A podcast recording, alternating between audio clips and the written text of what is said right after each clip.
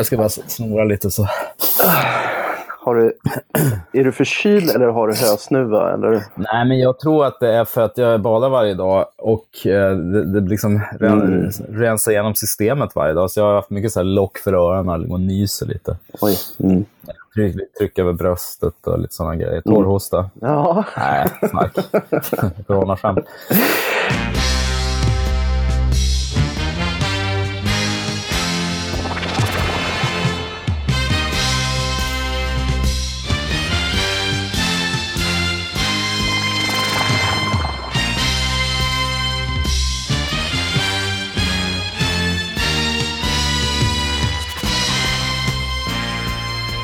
Hej välkomna till Intresseklubben Antecknar, en podcast med mig Per Persson och min gode vän Jesper Viking. Hej Jesper, hur är läget? Jo men det är bra. Ehm, mm. Det är bra. Jag är på landet ehm, och ehm, ja, det är väldigt ombytligt väder i sommar så ja. man är ömsom ute, ömsom inne. Det blir lite, lite hattigt fragmenterat med dagsbetingen. Sådär. Jo, svårt att måla när man står i spöregn. Så får man sitta inne och hitta på något annat tills vidare. Alltid tar ja. lite längre tid än man hade tänkt. Men det är, ah, det är typiskt ja. svensk sommar tycker jag. Det är skönt Jo, svårförståelig. Men har du hunnit se mycket film när du suttit inom där och i kastväder ute på Jo, men det har jag faktiskt. Eh, jag har sett väldigt mycket musikaler. Ja. Min guddotter hade som projekt i sommar att vi skulle se mycket musikaler. Så, Just det. Ja, det har blivit en del. Sådär. Bra spridning också. Liksom allt från Rocky Horror Picture Show till uh, Dreamgirls och Mary Poppins. Och, vi inledde med The Muppet Movie givetvis. Oh. Av självklara skäl. en, av de, en av de bästa filmerna. Ja. Själv då? Jo, men uh, vi är också på landet. Vi har inget eget land. Du, du sitter ju i Hammarö i Värmland. Ja. Vi är på Ingmarsö i Stockholms skärgård. Vi hyr ett hus av några här. Mm. jättefint. Mm. Super, superhärligt. Det är ju en sån här bilfri ö. Det kanske det brukar vara i skärgården. Så ja. man får, jag kan inte så mycket om det här med skärgården. Men vi har ju hittat en, en klippa och en brygga och så vi, vi har lite små dagsutflykter. Vädret har varit mestadels väldigt härligt. Mm. Det är lite Parasite-situation för vi hyr ju av, av ett eh, par som är rika och eh, mm. bor i ett stort hus som ligger mm. liksom ovanför vårt, eller ligger nära vårt, men det är inte insyn så att man, eh, man känner sig ändå rätt fria. Man får en inblick i hur... du och Peter sitter och krökar på kvällarna.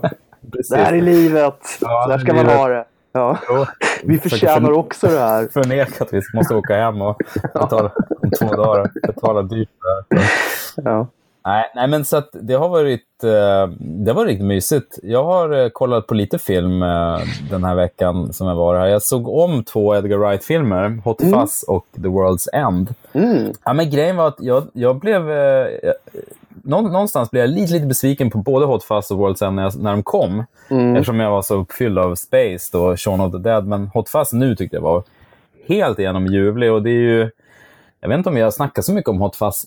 Alla Nej. som lyssnar har ju sett den, så man behöver inte prata så mycket om den. Men det är ju kul att det känns som att Edgar Wright bara har gått igenom hela sin lista på önskeskådisar nu när han ja. hade breakat och fick lite mer pengar. Det är ju Billy Whitelaw och ja, Timothy Dalton framför allt som ja. är så demonisk i sin roll. Han är ljuvlig.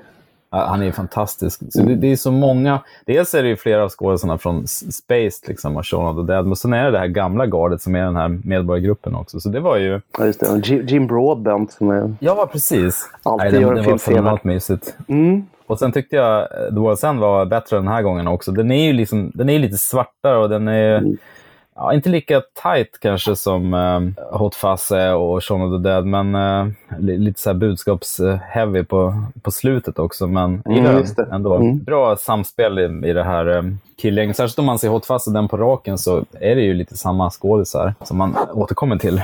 Rafe Spall och Ja, just det. Ja, Nick Frost förstås.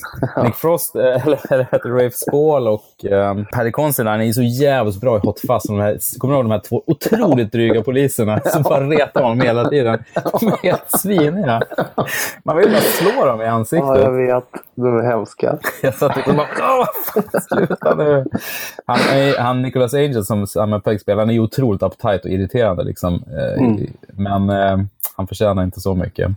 Nej, men sen såg jag faktiskt The Quick and the Dead också av Sam Raimi, eftersom mm. den finns på uh, Netflix nu. Ja, just det. Mm. Precis, ja. Mm. Nej, men jag hade inte sett den innan och du påpekade att det var orimligt. Jag fattar inte riktigt heller varför jag aldrig såg den. Den kom 1995. Jag vet inte riktigt varför jag aldrig kom iväg på den. Nej. Eh, jag tyckte den var riktigt härlig. Den är ju visuellt... Han har ju liksom... Han stormar. Hans, ja, precis. Han bildstormar. Det är hans Leone-fest med ja. mycket inzoomningar på ögon och klipp. Och sen. Helt ogenerat. Men det är, det är väldigt snyggt eh, bildberättande i den, förstås. Och, och bra tempo. Sen, det, men, jag, jag, kan fatta att den aldrig riktigt blev någon succé. Men det är mäktigt att se den nu också med Sharon Stone, Gene Hackman, Leo DiCaprio och Russell Crowe ja. i samma scen. Liksom. Fyra jättestjärnor. ja. Och var ju stor, väldigt stor då. Liksom. De, de, de andra tre är ju enorma. Men Russell Crowe hade ju inte riktigt breakat äh, än. Nej, stort. det var en tidig roll för honom. Det var en tidig roll och Leo, Leo är ju så himla spinkig och, och Pojkig. Ja, ja exakt. Inte så köttig. Och, nej, nej, nej verkligen inte. Nej men han, det är som att man bara satt ett pojkansikte på en lite för lång vuxenkropp som är lite för smal också. Så, nej, den var fin. En ganska så tragiskt far-son-förhållande mellan honom och Gene Hackman. Då. Ja, det kan man lugnt säga. Men det är något som inte lirar med den ändå. Det jag, jag, jag tycker Sharon Stone är, oftast är fantastisk, men det, jag vet inte, det är något i hennes i regin eller hennes rolltolkning som gör att hon är lite... Jag vet inte vad det är. Svänger mm. inte så mycket. Hon har bara ett uttryck hela tiden. Ja, hon är bister och beslutsam. Det är liksom ja, men precis. figur på något sätt. Det är inte superbra kemi heller mellan henne och Russell Crowe som det, som det ska vara. Däremot alla scener med, mellan henne och Gene Hackman är... Ja, Gene är ju fantastisk som, som alltid. Mm. It crackles, som man jo. säger på engelska. Ja. Det är det roligt det. med han, äh, vad heter han, eh, den biffiga dansken som alltid är med i... Ja, äh, Sven-Olle Thorsson. Det är Sven-Olle Thorsson som, är, ja. som spelar The Swede. Ja, ja det är jättebra. Ja, men hela det här uppbådet av uh, Gunslinger som är med i den här tävlingen, det är ju David Keith då från Carpenters filmer. Ja, just det. Och så är det ju Lance Henriksen också. Ja, som är sådär parodibilder av en professional gunslinger. Ja, precis. Otroligt dryg pomaderad. Mm. ja, verkligen. Så det är, det är ett bra eh, skådisuppbåd och det är ju som sagt så är det ju bildfest. Nej, men så den är ju verkligen värd att se, speciellt om man inte, även, även om man har sett den så kan det vara mysigt att se om den. Mm, mm. Ja, gött. Nej, jag får, ja, får vi passa på att se om ni har med nu, när, när den ändå ligger där. Men du, idag ska vi faktiskt uh, snacka om ett par önskefilmer. Ja, ja. det är på tiden. Nu, nu tar vi oss an ett par uh, önskerullar helt sonika. Finns det något gemensamt tema i de här två egentligen? Båda är väl på sätt och vis road movies, skulle man ju mm. kunna säga. Eller ja, folk som letar efter något de har, ja, precis. Kanske trasiga och ofullständiga på någon vänster. Ja, men exakt. De, eh, det handlar väl lite om eh, den amerikanska drömmen också, eller baksidan mm. av den amerikanska drömmen. Hur man försöker leta efter den, men eh, mm. ähm, inte hittar den. Nu sa du precis det kanske. ja. Jag är klassiker. Nej, jag tycker, ja, nej, men du, jag tycker du, du summerar lite mer slagkraftigt. Ska vi börja med att prata lite om A Perfect World?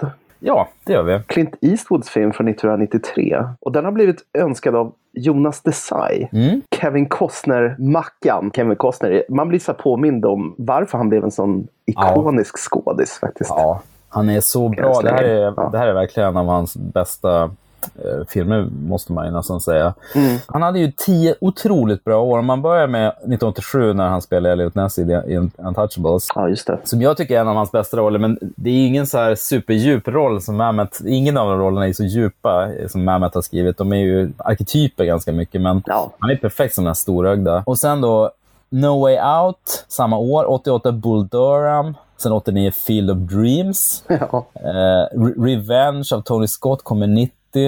Mm. Samma år då, det är då han, eh, han vräker på med Dansa med vargar som är hans liksom, stora, som han regisserade själv också. Den fick Oscar, Oscar både för regi och film och så blev han nominerad som bästa skådis. Statyett nedtyngd. Året på och sen JFK då, Oliver Stone. Ja, oslagbart. Och sen Bodyguard efter det som var en jättehit med Whitney Houston. Så att han var ju en av de absolut största filmstjärnorna vid den här tiden. Verkligen, och jag vet att man brukar prata om Tom Hanks som eh, Jimmy Stewarts arvtagare som mm. så här, ja, men, någon sorts amerikansk everyman. Eh, ja. sådär. Men jag tycker fan Kevin Costner har nästan mer gemensamt med Jimmy Stewart på något sätt. Mm. För han kan spela sig, som du säger, en så här storögd idealist och han mm. har ändå den här liksom, lite ståliga blicken och kan vara hård när han vill. För Jimmy Stewart kunde ju verkligen vara obehaglig när han ville. Ja. ja. en old school amerikan helt enkelt. Som har true grit. som ja, men precis. Som har upplevt saker och ting och har råg i ryggen som vi säger i Sverige. Exakt. Ja. ja, jag tyckte han var fantastisk i den här filmen. Jag måste säga att det, för mig är det nog faktiskt en av mina favoritfilmer av Clint Eastwood. För att, eh, mm. Jag gillar ju Clint Eastwood som regissör överlag. Men han, mm. han kan ju vara ganska valhänt ibland. Och emellanåt och så även i den här filmen var inne och tassa i så här Hallmark Entertainment entertainment-zonen kring framförallt så här, lite så här ömsinta, sentimentala scener. Och så där. Han är inte jätteflyhänt i de grejerna. Men äh, fan, här är det riktigt bra. Avslutningsvis, om, om, eh, vi kanske gör en Kevin Costner-podd någon gång, men det måste vi. i slutet av 90-talet gjorde han ju, i följd gjorde han ju Waterworld och The Postman och det var ju då det liksom barkade. Ja. Hans karriär, den håller ju på att återhämta sig. Han har gjort mycket bra sedan dess. Rage mm. till exempel är ju fantastisk. Och nu har han mm. fått småroller i stora Marvel-rullar, vilket tror vi, tror vi snackat om tidigare. Mm. Det är allas lott nu för tiden. ja, exakt. Det är som eh, varuhuset i Sverige. Alla, alla Förr eller senare hamnar alla i en Exakt. Marvel-film. Ja. var med antingen en Beck-film eller ett avsnitt av Rederiet. Ja. Så det, det, kan ju vara därför han aldrig, att han inte har den statusen som Tom Hanks ändå har. Eller så är det bara att han, han inte har gjort tillräckligt många så här hjärtevärmande... Kevin Costner har ändå varit lite djärvare i sina rollval. Mm, jo, men verkligen. Spelat med skurkar och... Det kommer vi återkomma till. Butch är ju en väldigt komplex figur. Ja. Ja, men precis. Jag har lite svårt att se liksom, Tom Hanks i 3000 miles to Graceland. Nej, han är ju tveksamma val. Eller Three days to kill. Med det sagt skulle det vara lite kul konstig. att se Tom Hanks som en uh, riktig bov någon gång. Jag undrar om han skulle vara kapabel att göra det. Eight-year-old Philip Perry has just been taken hostage. Are you gonna shoot me? Oh yeah. by the most dangerous man in West Texas. Put the gun down, old timer. You couldn't hit me anyway. Probably shoot the boy. Get in the car, Philip. This could be Jump. his lucky day. That's my car! Complicating law enforcement attempts to apprehend him, Haynes is believed to have an eight-year-old boy with him as hostage. This is not a penal escape situation. This happens to be a manhunt. You know, Philip, you have an American right. Eat cotton candy, ride roller coasters.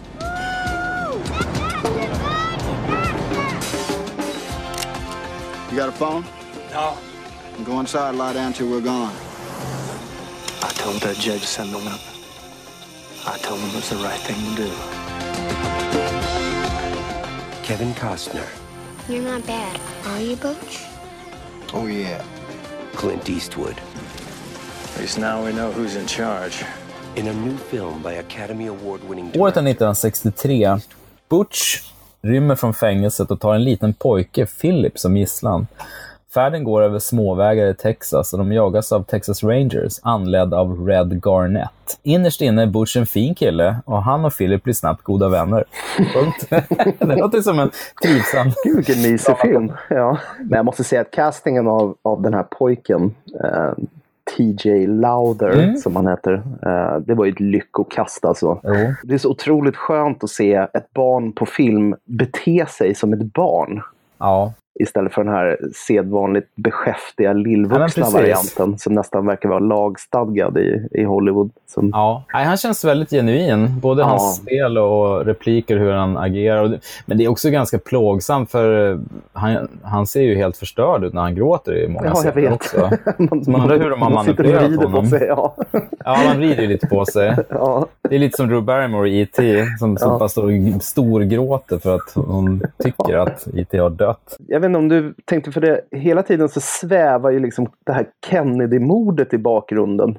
Mm. Som någon sorts här mörk horisont. Det här jo, ju, men precis. De, de gör en stor affär av att men presidenten kommer till Dallas. Och, ja. så här, för då, det här Clintons polischef får ju låna någon så här professionell husvagn som ska användas i kampanjsyfte. Va? Av, ja, men exakt. De kallar det för high-tech mobile home. Det är liksom ja, cutting edge. ja. det, är, det är som ja, men ett, ett, eh, kontor på fyra hjul, men det ser ut som en, bara en vanlig husvagn. Ja. Som, som också är så pyntad och smyckad, för att guvernören ska ju ha det. han, han håller på med sin omvalskampanj, då, så han ska ju ha det i något torgmöte och impa med. För jag minns när jag såg den första gången att, så här, aha, ska det här vävas ihop med Kennedy-mordet? Eftersom de liksom refererar till det hela tiden mm. så himla mycket. Men jag antar att det bara ska tillföra någon sorts ödesmättad stämning. Ja, men jag alltså, tror det är så tematiskt... För, föraning om, om en onödig tragedi. Ja, men exakt. Någonstans här förlorad oskuld för, för eh, hela USA. Landet, liksom. för hela USA. Ja. Och återigen, då, Butch är någon slags... Ja, men han, är, han är på många sätt en ett produkt av systemet och mm. det är också... Han kunde egentligen lika gärna varit polis. Liksom. Mm. Eftersom han är så begåvad, eh, alltså intelligent. Och, men ja, hamnade snett helt enkelt.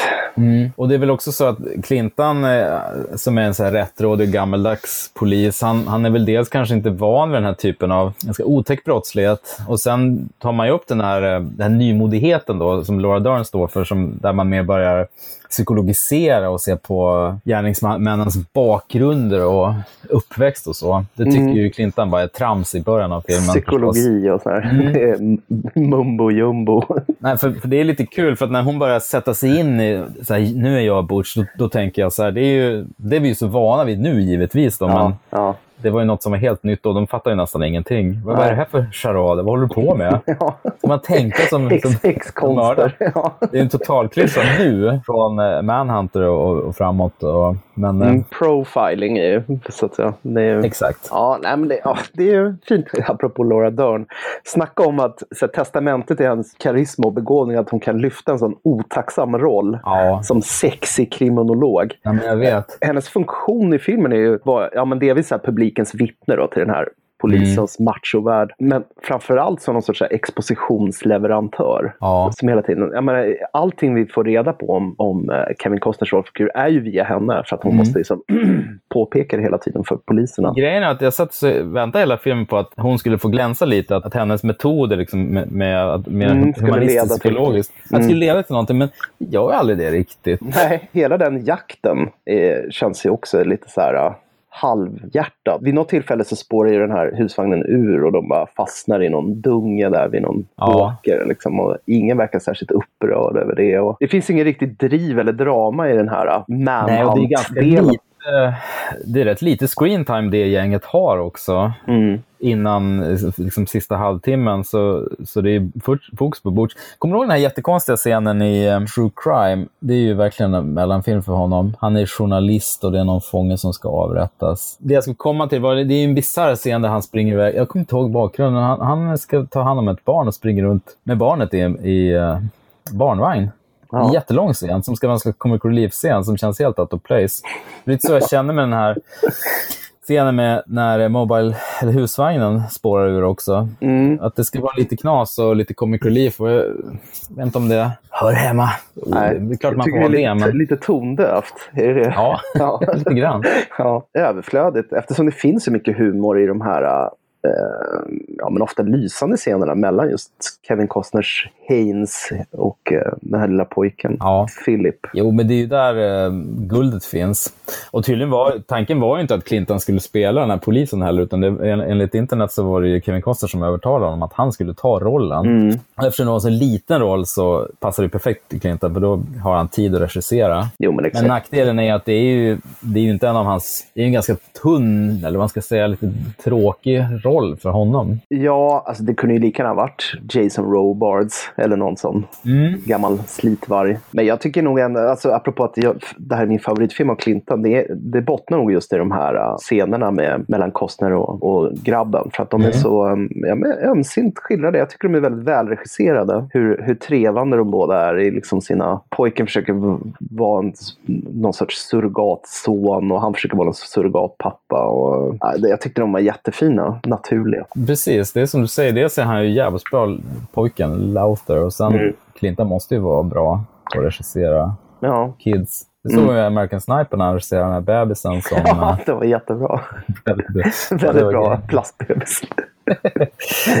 nu orkar jag inte längre hålla på med barn, så att, ta den där, ta den där plastbebisen. Nej, och Kevin Costner som sagt, han är, han är så som den där Butch Haynes. Han är så vaksam och liksom precis som den här uh, brottslingen. Jag har inte sett honom så slagkraftig sen ja, men No Way Out, du vet den här Roger Donaldson-thrillern. Mm. Nej, men han är väldigt ruttad hela tiden och det är mm. den här klassiska uppdelningen med honom och Pew och hans, uh, som han flyr tillsammans med. vidriga ja, som är 100% as. Och han, han är också som en sån här trope, den här ja, med fången som liksom är outright psykopat som egentligen bara vill mörda folk och som kommer mm. att vara hetlevrad och förstöra för, för alla andra. Mm. Han är bara hemsk verkligen. Han är hemsk. Han har ingen impulskontroll. Nej. Han är sadist, våldtäktsman, pedofil. Det finns liksom ingenting han inte är. Nej. Som är förkastligt. Nej. Nej, det är verkligen, men det är som sagt, därför känns det så så försvarbart att Costner har ihjäl honom. Också. Man tycker ändå att han är en good guy. Ja, men jag vet. Att han liksom skjuter honom med berått mod. Ja, men alltså, han avrättar honom point blank med ett skott i pannan från en meters håll. Ja. Det är ganska grymt egentligen. Ja, men är Clinton är ju finkänslig nog att göra det off camera så man bara hör panget. Mm. Då blir det också lättare att försvara. Sen är det också väldigt roligt att se Bradley Whitford i eh, allas älskling Josh från Vita huset ja. som, som uh, The West Wing som uh, riktigt vidrig. Han är FBI-snubbe, någon sorts FBI Ja, precis. Jo, men han får följa med som någon slags... Han, han gör ju väldigt lite väsen av sig. Han är någon slags uh, bara observatör. Ja, man ligger på, på den... sofflocket och är spydig och försöker här, göra ja. ner Laura Dern varje chans han får. Och sen så försöker mm. han stöta på henne såklart efteråt. Han är verkligen så här, mm. ja, men apropå tropes, som asshole. Oh, nej, det är extremt endimensionell. ja. Sen är det mysigt att se honom. Eh, han är så ung och slät liksom. Mm. Och Ja, men jag känner knappt igen honom först. Alltså, när han kom i solbrillor så var så här, men, han ser bekant ut. Men hans, jag tror hans repliker för hela filmen kan nog få plats på en av fyra, möjligen två. Liksom. Han har inte mycket lines, men det var kul att se honom. Men filmen kulminerar ju också i eh, en väldigt obehaglig eh, akt mm. när de är på den här eh, bondgården. och får, får, de blir inbjudna av en, en bonde. Så, mm PG-omständigheter så spårar ju Kevin Costners rollfigur ur lite grann. Mm. Ja, det är en otroligt obehaglig, lång ja. obehaglig scen. Utdragen på precis mm. rätt sätt. Så att det bara sjunker in och så att nu mm. kommer det hända tråkigheter här. Mm. Och den här pojken måste ja, men börja fatta egna beslut kring vad som är mm. rätt eller vad som är fel. Det är svårt under den scenen att fortsätta ha sympatier för Butch ändå. Jo, det är det. Man nu, över en gräns. Det känns som ett svek.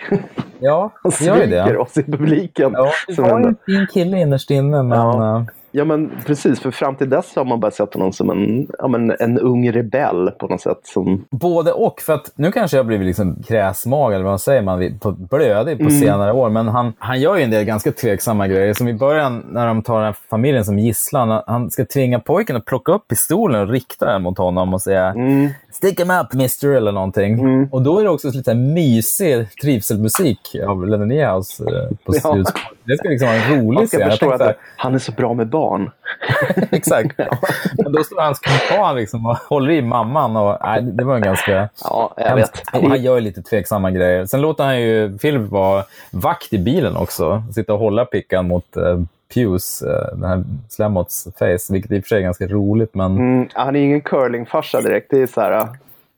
det är bara Nej, men du, det här fixar du. Inga problem. Jo, liksom. ja, men precis. Och sparkar Han ut äh, fågelungen ur boet, verkligen. Jo, precis. Nej, men, eh, och det är också ett tema, eftersom Philip är Jehovas vittne så har inte han fått uppleva så mycket kul. Han är hårtalaren av sin mamma. Mm. Så uh, Butch gör det nästan som sitt mission att han ska få uppleva grejer. Och då kan ju du ingå och skjuta vuxna män i ansiktet med en pistol. Lite sådana uh, grejer som barnpsykologer kanske inte skulle rekommendera. Men det är, det är kul ändå att Clinton och John Lee Hancock som har skrivit manus så att de tar ut svängarna, just i den här scenen vi pratar om, mot uh, andra halvan av filmen. För den är, den är genuint obehaglig. Man sitter bara på nålar och undrar var den ska ta vägen någonstans. Det är jävligt hardcore. Ja. Apropå Tom Hanks, alltså det är ganska modigt också att utmåla Butch som den psykopat han kanske också är. Eftersom han, han är ju jävligt kallhamrad. Det känns som att Clint måste ha sneglat lite på den här uh, western-klassikern Shane Tänkte du på det mm. också? Just det här hur den här lilla pojken idoliserar Alan Ladds äh, främling som kommer in till stan. Och, Just det. Mm. Äh, ja, men blir någon sorts fadersfigur och sen gör honom besviken. Alltså det är en emotionell berg dalbana för den här grabben. Mm. Liksom är, det, mm. det är samma tema, hur han ska förhålla sig till den här mm. Vad det innebär att vara man. Han drar ju undan mattan för oss som publik också lite grann när vi ändå har, vi har ändå gillat Butch för att uh, han är ju lite mysig. Det är en del ganska roliga scener mm. under filmen, men här är det, här är det tufft. Men du, en jag tänkte fråga, tror du att Butch tror att han ska ta sig till Alaska? Jag får en känsla av att han vet att det är kört redan, att, redan från att han snor första bilen. Det känns mer som att han bara vill hålla på så länge det varar. Ja, nej men precis. Det är väl, det är väl en sorts helig graal som han har som drivkraft bara. Jo. Eh, jag tror inte heller han har några realistiska förväntningar på att han, att han ska komma ja, till Alaska och krama sin deadbeat dad som har lämnat honom i stycket. Han är... Nej, för i början när de tar med sig Philip som gisslan så, så är det ju som någon slags för att ha ett övertag mot polisen, men efter det så är det mest för att han vill, ja, men han vill ha sällskap ja. ungefär. Plus ja, att han... Han, ser, han ser kanske sig själv lite i grabben också. Jo, absolut. Och det, det, det, nu ska vi inte prata spoila den här otäcka scenen, men det, det, det, är väldigt mycket så här barndomstrauman som ska Processas, behandlas ja. rättas till. Ja. Från hans hem, han har ju haft, Pucci har haft en fruktansvärd uppväxt, så han är som sagt han är verkligen en produkt av systemet. Mm, mm. Och Det fattar ju Clinton också. Det är inte så att han är helt fyrkantig som, som den här sheriffen, utan han förstår ju också att det är så. Nej, men för att uh, Butch gör ju en del, han gör en del ganska roliga grejer, eftergifter åt uh, pojken. Tvingar honom att trick or treata. Och så en ja, tant ute och rånar någon. Ja, det är jätteroligt att se. Ja. För hon är ju så här, Nej, det, var ju, det var ju halloween igår så jag har inget kvar till dig. Då tar ju Butch bara upp pistolen och visar liksom att han har en pistol. Då springer han och hämtar jättemycket ägg och mjöl. Och Hela handväskan. Då säger, då säger han det här, uh, never underestimate the kindness of the common man. Mm. För Philip ser ju inte att han hotar henne med pistolen. Han tror att tanten är snäll bara. Mm. Jävligt rolig scen. Och sen bara, då står han precis i telefonledningen så han bara drar ut sladden så hon inte kan ringa polisen polisen. Det är jävligt coolt, men de grejerna är ganska osmarta egentligen. Han skulle kunna vara mycket slugare, så att säga, om han verkligen ville. Ja. Han fattar väl att det, det är svårt. Jävligt fint fotad också. Mm. Uh, av uh, Jack Green. Som, han gjorde väl Unforgiven också. Ja, alltså det är ju, förtexten är ju en fröjd för att det är ju Malpaso, det är alla hans samarbetspartners. Det är ju Lenny Nia som gjort musiken, Joel Cox som har klippt, Jack and Green som gjort musiken som sagt. Mm. Han har ju jobbat med dem i hur många filmer som helst. Mm. Det är lite som, äh, ja, som Woody Allens äh, ensemble och andra regissörer också. Det är mycket vidder och alltså, mm. det amerikanska landskapet verkligen. Mycket ja, sädesfält och gassande sol och jordvägar och Alltså ja, det är härligt att titta ja. på det här tidiga 60-talet. Det är ju snyggt. Jag gillar också, ja men det kanske de har fortfarande, men just eh, polisuniformerna med gubbbrallor och skjorta och så cowboyhatt. Ja. Eh, som de har, poliserna. Ja. Det är ganska orimligt egentligen. Men och så Costners rollfigurs besatthet vid att sno en, en Ford. Han ska alltid köra Ford. Ja, just det. Vilket också säger så mycket om hur präglad man är som barn av, liksom, för att hans pappa körde alltid Ford. Som mm. hans pappa som han egentligen hatar för att han övergav honom och underförstått ja, spöade honom ganska hårt också. Liksom. Men ändå så ska han vara precis som pappa. Det är ett hjärtskärande faktiskt. Ja, rörande. Mm. Ja, nej, härligt. Ja, det var kul ja. att se Jo, men det var jättekul att se om den. Jag tyckte nog om den uh, ännu mer nu än jag såg den första gången. Ja, alltså den blev ju väl emottagen kritiskt, men den gick ju inte så jättebra. Och det är inte många som pratar om den. Uh, lite förbisedd i, i Eastwoods filmografi. Ja, jag vet. Alltså, det, det lustiga med den var att i USA gick den ju, drog den in nätt och jämnt pengarna, men sen gick det så pass bra internationellt så det blev ju ändå liksom en hit. Mm. Men det är ingen, ingen dundersuccé hans CV. Och nej, men det, det, det, är ingen som snackar om det idag som sagt. Det, det, har ju kommit lite så här best of-listor på Clinton nu i samband med Richard Jewell. Mm. Och då börjar den här klättra högre och högre för att jag tror folk... Uh, Återupptäcker den lite. Ja, men exakt. Ja, den har ju lite vek titel. A Perfect World är lite så här... Det är liksom ja. uh, What Dreams May Come. så här, mm. så lite svår, alltså inte särskilt minnesvärd konstig titel. Liksom. Den är för generisk, mm. svårt att komma ihåg. Precis. Ja, nej, tack Jonas, det var härligt ja. att se den igen. Tack så mycket. Och uh, Perfect World går jättefint att strömma. Den finns på uh, SF Anytime och iTunes och tror ett par andra ställen. Så att, uh, väl värd en titt eller en omtitt, tycker vi. Ja, det tycker jag absolut. Och man kan ju nämna också, apropå Costner och John Lee Hancock som skrev manus på den här filmen efter en bok, att de samarbetar ju i den här um, The Highwaymen. Jag tror vi har nämnt lite grann tidigare. Alltså den Netflix-rullen som släpptes med Woody Harrelson. Med Woody Harrelson och Kevin Costner när de jagar um, Bonnie och Clyde. Eh, ja, precis. Fast det är lite så här från den andra vinkeln. Ja, lite. Polisvinkeln. lite grann. De är inte så romantiska hjältar längre, utan de är så psykopater som behöver stoppas. Ja. Jag tyckte den var helt okej, den här Highwayman. Ja, ja, absolut. Och lite långsam i tempot möjligen. Den är över två timmar. Kanske inte hade behövt vara så seg, men eh, gubb, gubbtugget mellan Harrelson och Costner tyckte jag var ganska njutbart. Ja, men just att de är så stöniga också. Lite oh. gamla. Liksom. Grumpy old man. Ja, och de är ju båda på så här, sinnebilden av så här, De är så jävla amerikanska båda två. Dessutom. Ja, precis. På något sätt som är ja, svårslaget faktiskt. Mm. Kisrynkor runt ögonen och jo, solbrända nackar. Det är fint. Ja, vi går vidare från eh, de eh, öppna vidderna till eh, den eh, trånga staden. Vi ska nämligen prata om Midnight Cowboy, John Schlesingers klassiker från 1969. Underbart. Som är önskad av eh, Petra Alin. Ja, det är min fru. Ja. Full disclosure. Men hon är Patreon så att uh, hon, uh, hon får också önska. Givetvis. Och, uh, det här var ju fantastiskt härligt att få se om den här filmen. Ja, ja. Nej, men alltså, det här är ju ett mästerverk.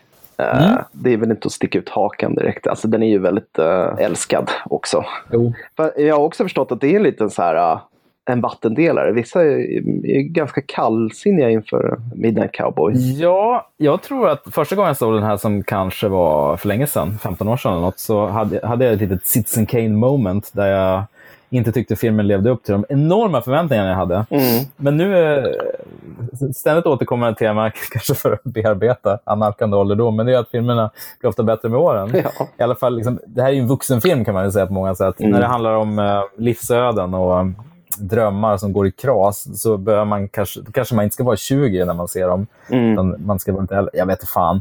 Jag, jag vill bara säga att jag, jag tyckte den var helt fantastisk när jag såg om den. Och jag gav den en femma på Letterbox fa faktiskt. Och det är inte så många filmer som, Nej, som får det. Det är samma här. Nej, en femma för mig, det, det är nästan så här ouppnåeligt. Det, mm. Absolut toppbetyg. Då ska det inte finnas någonting att anmärka på. Eh, och det är ju som sagt ytterst få filmer som lever upp till det idealet. Det, det är ju typ Hajen och den här. Ja. Kanske, jag kan räkna det på, på ena handens fingrar, den typen av ja, filmer. Du är strängare med att dela ut femmor mm, än vad jag är. Mm. Även om jag har blivit lite hårdare. Ja, nej, men alltså, det är ju någonting med, jag vet inte om det är för att Schlesinger, som, han, han var ju britt och hade väl redan gjort sig liksom någon sorts avtryck som eh, ja, men en, en diskbänksrealist. Mm. Uh, hade breakat lite grann med Billy Liar, med Tom Courtney. Mm. Och, Precis. och hans perspektiv på, han var ju uppenbart fascinerad av New York och, ja. och, eh, och framförallt den här uh, solkiga liksom, baksidan av den amerikanska drömmen. Jag vet, det, mm. det, det, är någonting med hans perspektiv som tillför någonting väldigt mycket. Ser som att han kanske mm. gjorde observationer som en amerikansk regissör inte hade gjort. Och, och val som en inhemsk Nej, eh, filmskapare inte hade gjort. New York som rollfigur i den här filmen är också så här, det är ju alltid härligt att se en svunnen tid av, ja, av slis. Absolut bästa New York-skildringarna på film som finns och då är det här den är från 1969. Det är ju det här gamla, sjaviga, farliga New York. Mm. Man kunde bli mördad när som helst. Det är också de här bilderna man har, de är så fastetsade sen när man var liten. Just de här vyerna från trottoarerna, när man bara ser en sjö av människor som går över övergångsställena. Ja. Jag kommer ihåg när jag var liten hur fascinerande det var, för det fanns ju inget, ingen motsvarighet i Umeå förstås. Det så många människor på samma plats. Inte i Stockholm heller. Liksom. Det Nej. var så massivt. Den enorma stan med den här pulsen och människorna. Alla gick rätt och gjorde sin grej. I'm Joe Buck from Texas. Enrico Rizzo from the Bronx. And I'm gonna buy you a drink. What the hell do you think of that? Well, I don't mind if I do. Why do you think I come all the way up here from Texas for? Well, I'm a hustler. You didn't know that? You were gonna ask me for money? Huh? Will you get out of here? You gotta get yourself some kind of management. Only vehicle. Hey, I'm walking here. I'm walking here. Don't worry about that. Actually, that ain't a bad way to pick up insurance, you know. In New York, no rich lady with any class at all buys that cowboy crap anymore. Women like me, goddammit. Hell, the only one thing I've ever been good for is loving. But for that service, I charge 20 bucks. I happen to be his manager. Okay. I'll buy you his coffee, I'll pay. I don't think I can walk anymore. You know what they do to you when, when they know you can't. When they find out that you can't walk. Bondgrabben Joe Buck, spelad av John Voight, från Texas flyttar till New York för att försörja sig som gigolo. Det är dock inte lika enkelt som han tänkt sig. Han blir bekant med Enrico Salvatore Rizzo, även känd som Ratso, spelad av Dustin Hoffman. En polioskadad och tuberkulossjuk man som lever ett ganska sjaskigt liv. De båda männen utvecklar en djup vänskap. Punkt. Det var bra synopsis. Jag brukar ju håna Wikipedia tyvärr, mm. men det här var bra. Det här är ju en historia om ja, men två fundamentalt trasiga individer oh. av olika skäl. Den ena psykologiskt och den andra fysiskt som mm. är väldigt, väldigt ensamma. I mångt och mycket handlar ju filmen om ensamhet. Mm. Och dessutom en väldigt sällsynt så amerikansk skildring av fattigdom och, och mm. kränkning. Den blev väl också eh, X-stämplad i USA, tror jag. Ja, precis. Som en eh, så här, ja, nästan så här, vagt pornografisk film. Jo, det, dels det och sen att den kunde ha, alltså, att, att den handlar så mycket om homosexualitet och mm. det kunde ha en negativ påverkan då på, eh, på unga, unga människor och att de kunde förledas. Så den fick ju X-rating och det var, gjorde ju att det var många biografer som var tveksamma till att ta in den just för att det, hade ju lite dödskallestämpel. För det var ju bara som du sa, det var bara porrfilmer som fick en X-stämpel. Mm. Men sen så sänkte de den till R då, när den släpptes igen och det är ju, det är ju rimligare. Och lik förbannat så vann den en Oscar. Mm. Det är ju Det var den första, första och tror jag fortfarande enda X-ratade filmen som vann eh, för bästa film. Ja, det måste det ju vara. Ja, jag tror faktiskt det. Alltså den fick ju sju nomineringar. Skådisarna och för klipp. Eh, och så vann den ju bästa film, bästa regi, bästa manus. Det var ju en... Eh, det, men det var ju långt ifrån en, liksom en pengar på banken. Både Dustin Hoffman och Schlesinger har ju sagt i intervjuer efteråt att de var otroligt osäkra på vad det här var, om det skulle kanske bara rasera deras karriärer. Ja. Hoffmans agent var ju inte sugen på att han skulle ta den här rollen alls. Speciellt inte efter The Graduate där han är... Benjamin Braddock, han är så clean cut mm, och som svärmors dröm. Ja. Gullig. Ja, men precis. Mm. Ska han spela den här otroligt sjaviga, liksom halta och lytta gatunasaren i New York. Mm. Vad ska tjejerna säga? Vad ska hans unga fans säga? Ja, det var modigt. Det är tack ja. Men eh, man kan ju förstå att han tog rollen i och för sig. Eh, ja, visst. För jag menar, rollfiguren Rizzo är ju som, så himla tacksam. Ja, det är så smart. Han är liksom lytt och döende. Jag menar, allt som en Oscar-jury älskar egentligen. och jag vet, hur ställer du dig till Dustin Hoffman i den här filmen? För att menar, det är ju ingen tvekan om att han är bra, men jag kan nästan bli så lite svag för att det är så himla mycket. Liksom. Att han går och haltar och han hostar och han är svettig. Jo. Han pratar så här maniskt och hetsigt. Ja, men enligt uppgift så, han hostade ju så mycket så han spydde vid ett tillfälle. Spydde på John Voights skor. Voight bara, vad gör du? Han trodde det var med flit. Han, ville, han gick in i rollen så mycket. Ja. bara...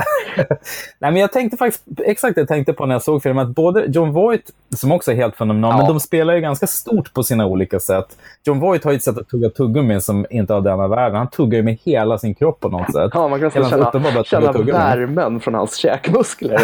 man gör ju det. Medan, och han, han är den här godtrogna, men han, hans utstrålning är fantastisk. Och så Rizzo som du säger, han, har ju så, han håller ju på med så mycket hela tiden, med rösten, med maneren. Mm. Men, och någonstans tänkte jag att det här borde ju inte funka, man borde ju nästan kunna genomskåda det. Men, eller vad man ska säga, eller se skådespeleriet under. Men jag, jag tycker ändå det, det lirar. Mm. Jag vet ju att det är Hoffman som står där. Jag ja. ser ju det. Men ja. jag tycker han är, han är fenomenal. Han går in i rollen totalt. Jo. Det, är en väldigt, liksom, det är en väldigt tragisk roll, men han gör ju den väldigt varmt och humanistiskt. Och det blir inte överspelat även om allt. Nej. På pappret skulle kunna bli det. Ja, det är som du säger, det är lustigt att det funkar för att de har så fundamentalt olika sätt att, att spela.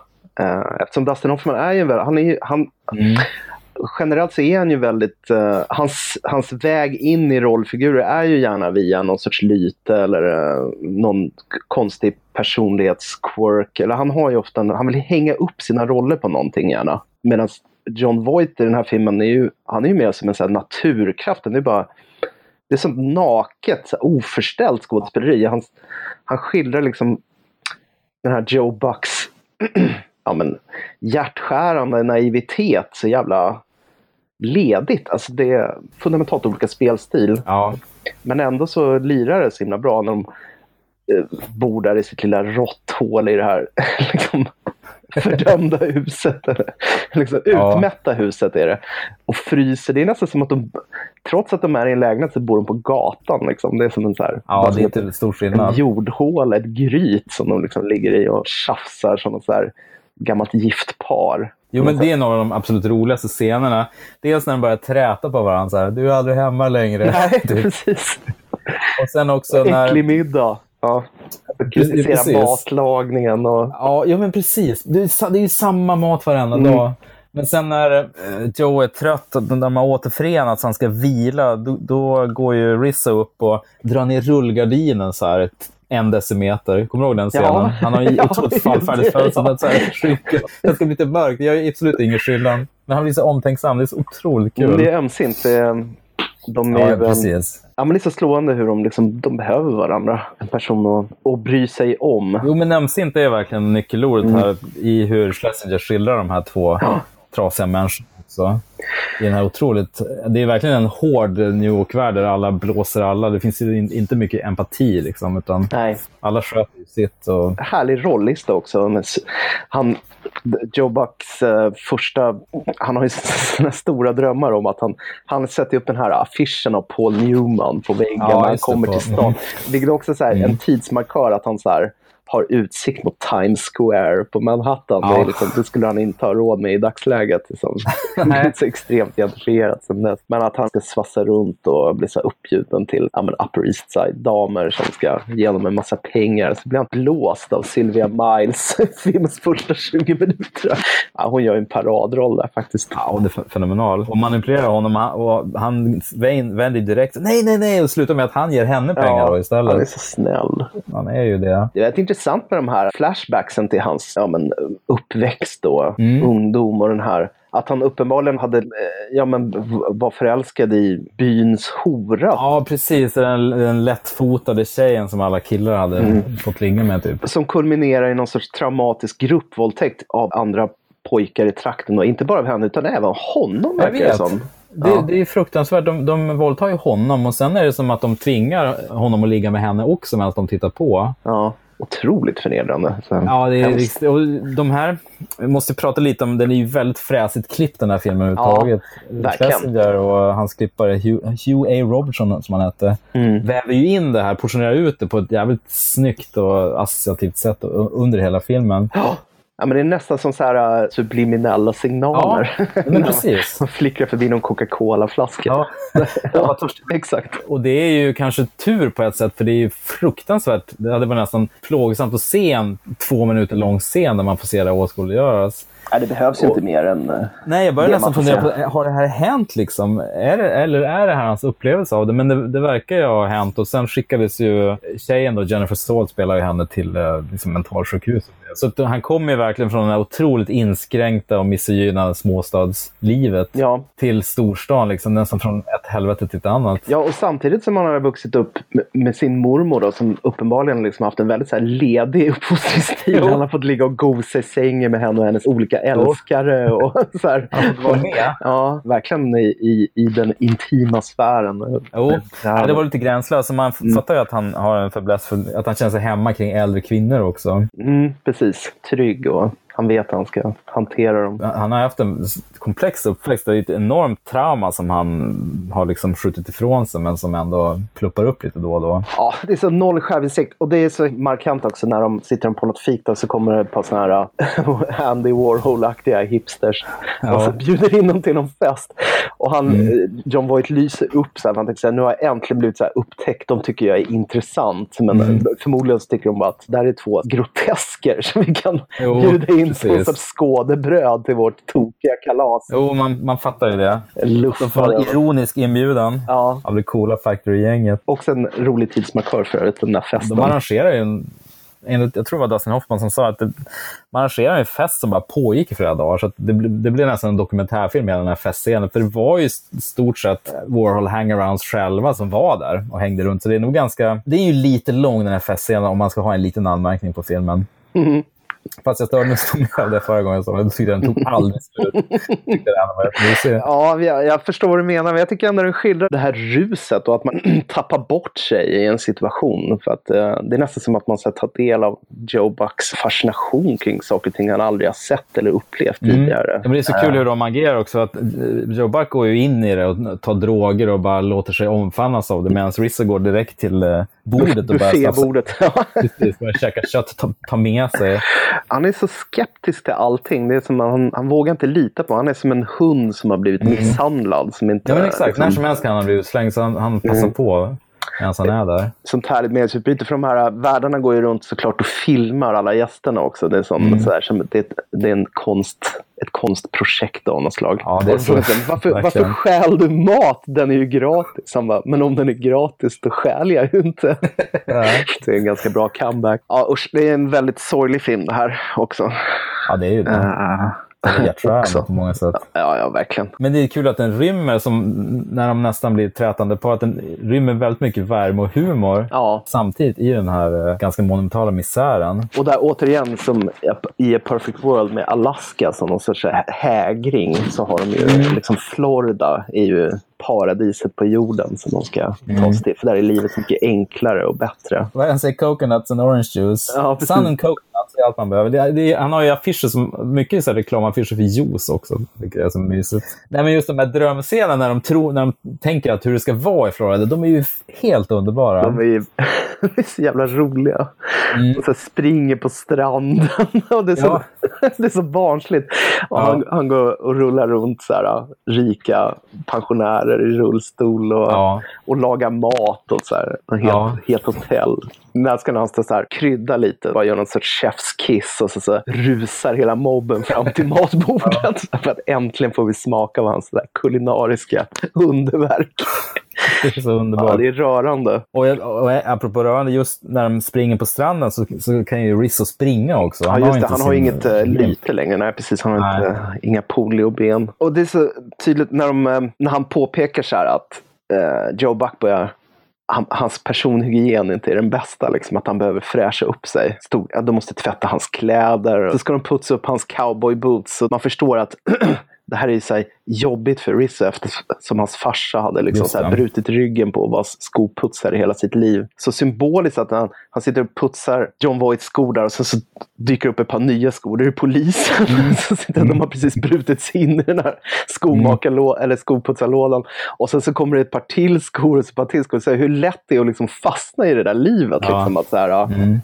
Har du väl börjat, då är du fast. Ja, så bra. Och Bob Balaban dyker upp mm. också som en ja, neurotisk homosexuell man. Som... Han ser ut som Rick Moranis tyckte jag i ja, den filmen. verkligen. Stora briller och tefatsögon. Jo, men, både han och Barnard Hughes, uh, Mr Merlin kommer du ihåg? Va? Ja, jag vet. Och det, var, det var så svårt. Och liksom, jag kommer ihåg första gången jag såg den här filmen. Att jag hade, mm. han störde mig så mycket på att Mr Merlin ja. raggar upp John Voight på någon gaybar och går upp på rummet och, och, och, och på något sätt så provocerar fram att han ska få spö. Det är ja. liksom hans grej, att han vill bli shamead. Och...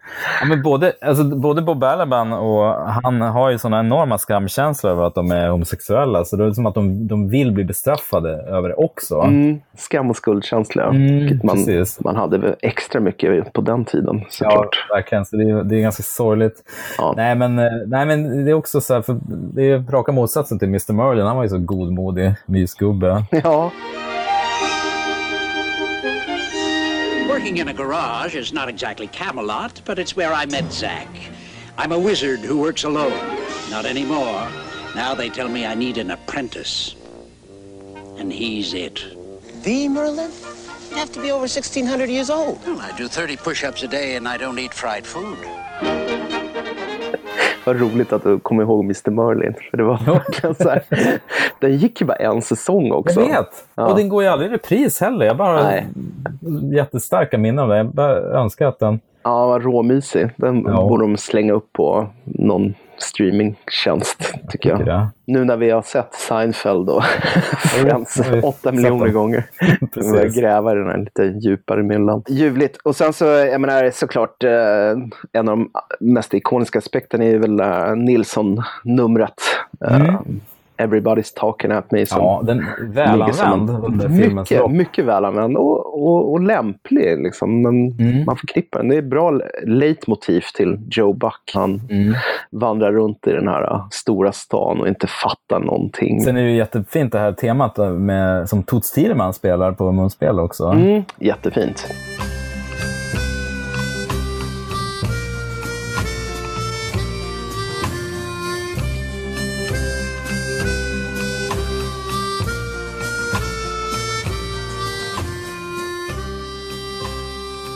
Det är så roligt när, när Rizzo och uh, Joe Buck blir åtskilda. När Rizzo lurar honom, han ska gå upp till den här O'Malley, som de heter, som, som uh, Joe Buck tror är superpimpen, som O'Daniel, som han ska få jobb det. av. Men han är bara en nyfrälst gubbe som ska liksom frälsa unga män.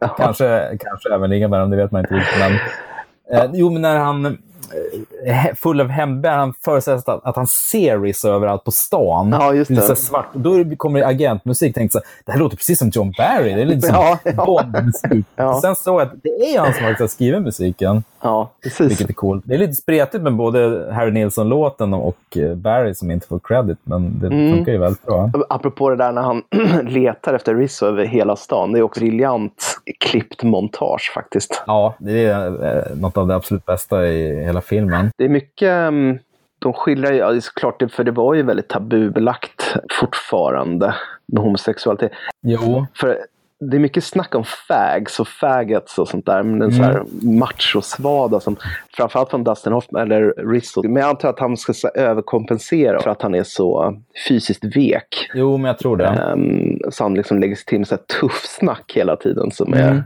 inte riktigt... Jo, men, nej, men precis. Man undrar nästan om han kanske själv är gay eftersom han måste markera hela tiden mm. mot det. Ja. Men det är väl så. Han, han, måste ju sparka åt något håll. Liksom. Han, han är ju så långt ner på den sociala skalan förstås. Att han är i, i princip asexuell skulle jag påstå.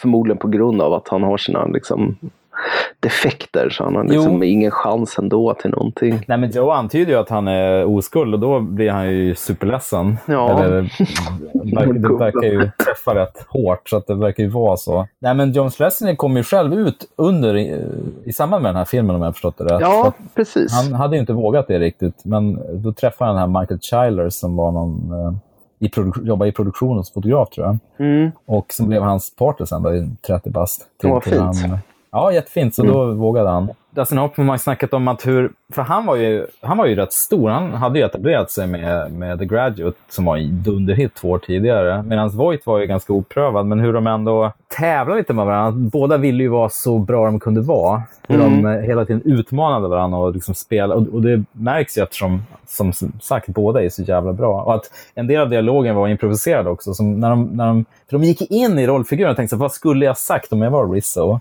Mm. Ibland kan det bli såsigt bara när skådespelare ska gå in i sina roller. Ja. Men eh, bland annat den här scenen de pratar om så här, om du skulle bli reinkarnerad, vad skulle du, bli, vad skulle du komma tillbaka som? Kanske som en hund eller som presidenten? Och så här. Det var ju mm. och det är så kul, för det är en ganska barnslig dialog som, ja. som är så... Ja, ja, det är en sån... Vem skulle vinna i en fight? Stålmannen ja, eller exakt, Hulk? Det ja, det är lite på den nivån. Också så rörande tycker jag när um, Ja, men, uh, John Voight inser ju att ja, men nu måste vi ta oss till Florida. Och det är då när han träffar, uh, när han träffar uh, Barnard Hughes där. Uppe på rummet och han ska utkräva pengar. Och han har ju övat in det. Jag har en sjuk, eh, vad är det, typ sjuka barn och jag måste ha pengar. Men han, i, i stunden han säger I need money, I got family, god damn it. Och det är så, mm. Man förstår att han menar det ju. Liksom. Mm. Rissa har ju, det är hans familj nu. Jo, precis. Är han är ju provider för honom. Ja, usch. Ja, det, är, det är lite tvetydigt vad som händer där egentligen. Det får man ja. aldrig riktigt klarhet i. Det antyds ju att han slår ihjäl Barnard Hughes, men det, vet, det vet man heller inte. Nej, det vet man inte riktigt. Att han fick spö. Mm. Det här är en film, om man inte har sett Mina Cowboys så måste man göra det, ja. tycker jag. Sen behöver man inte älska den givetvis, men den ska ju ses. Ja, den måste ses. Uh, det här är ju ja, tveklöst en av de stora amerikanska filmerna. Mm. Enligt mig, IMO, som han skriver. Enligt många. Och många med mig. Ja, många med mig anser att... Uh... Det här är en riktigt bra film. Vi måste ju ge en shout-out till uh, Brenda Vaccaro också i en ja. liten roll som mm. uh, Sugar Mama som mm. faktiskt pröjsar John Voight för en, en hel kväll i halmen. Hon är ju härlig, så jävla blasé. Ja, eh, men ändå liksom... Ro, roat överseende. Ja, roat överseende. Hon, jag vet inte, hon fascineras väl av Joe Bucks naivitet. Hon tycker mm. han är rörande på något sätt. Det, det märks väldigt tydligt. Så här. Hon behandlar honom väl. Han får inte upp den, och, men hon är väldigt förstående. Trots att hon är en betalande kund. Så är det så här, mm. äh, men det här löser sig. Så här. Vi, vi spelar lite spel. Och, mm. så här. Äh, det är trevligt. typ en av de varmaste torskscenerna vi har sett på film. jo, men alla ligg eller sexuella möten han har, Voight, blir ju misslyckade på något sätt. Det här är väl det mm. bästa kanske. Mm. Även om han, när de spelar Scribble så avslöjar han att han inte är jättebra på stavning, vilket hon retar honom lite grann för. blir han ju ja, just det. knäckt över. Han är, påminner om att han är en pojke från landet. Ja, ja Schlesinger, han eh, upprepade aldrig riktigt den här succén. Det var ju...